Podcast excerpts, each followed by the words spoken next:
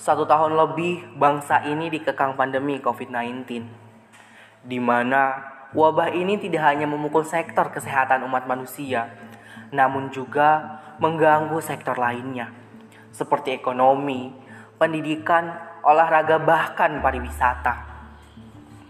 Meski tak ada yang tahu kapan COVID-19 ini akan berakhir, kita tidak boleh menyerah, putus asa, apalagi bersifat apatis dalam menghadapi kehidupan ini. Satu bulan yang lalu, yakni tanggal 17 Agustus, dikenal sebagai bulan kemerdekaan, di mana momentum tersebut kita jadikan sebagai momentum kebangkitan dalam melawan COVID-19. Ya, tentunya kita diminta untuk pantang menyerah dalam menghadapi keadaan yang sekarang. Hari ke minggu, minggu ke bulan, bahkan bulan ke tahun. Dengan sabar, kita mengalah di dalam hiruk pikuk beratnya cobaan bangsa ini.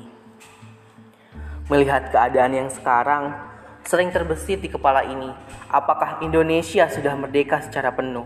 Atau perayaan-perayaannya yang diadakan setiap tanggal 17 Agustus selama 76 tahun ini hanya sekedar formalitas saja yang merdekanya dalam ucapan namun melarat dalam kehidupan mulai terbesit ragu bahwa saat ini negeri ini merdeka secara penuh.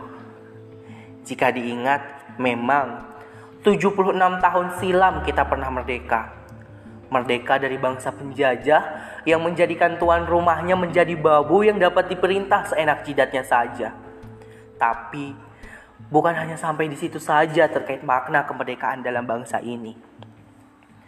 Pertama-tama, kita perlu mendefinisikan kembali makna kemerdekaan. Definisi ini sangat menjadi penting karena definisi dari suatu subjek ataupun objek perkembangan harus berdasarkan konteks dan masanya. Kemerdekaan perlu mendapatkan definisi yang sesuai dengan konteks dan masanya. Di masa lalu, definisi kemerdekaan berkaitan erat dengan penjajahan. Kedua kata tersebut memiliki makna yang berlawanan, merdeka atau tidak dijajah. Kemerdekaan adalah bebas dari penjajahan. Dengan rasa tidak bosan, untuk kedua kalinya saya berucap, apakah kita sudah merdeka secara penuh? Secara yuridis formal, ya, kita sudah merdeka. 76 tahun silam Bung Karno dan Bung Hatta memproklamasikan kemerdekaan negeri ini. Tapi apakah selama perjalanan panjang mengisi kemerdekaan itu kita telah merasakan eksistensi sebuah kemerdekaan yang bangsanya secara lantang mengidentifikasikan sebagai bangsa merdeka.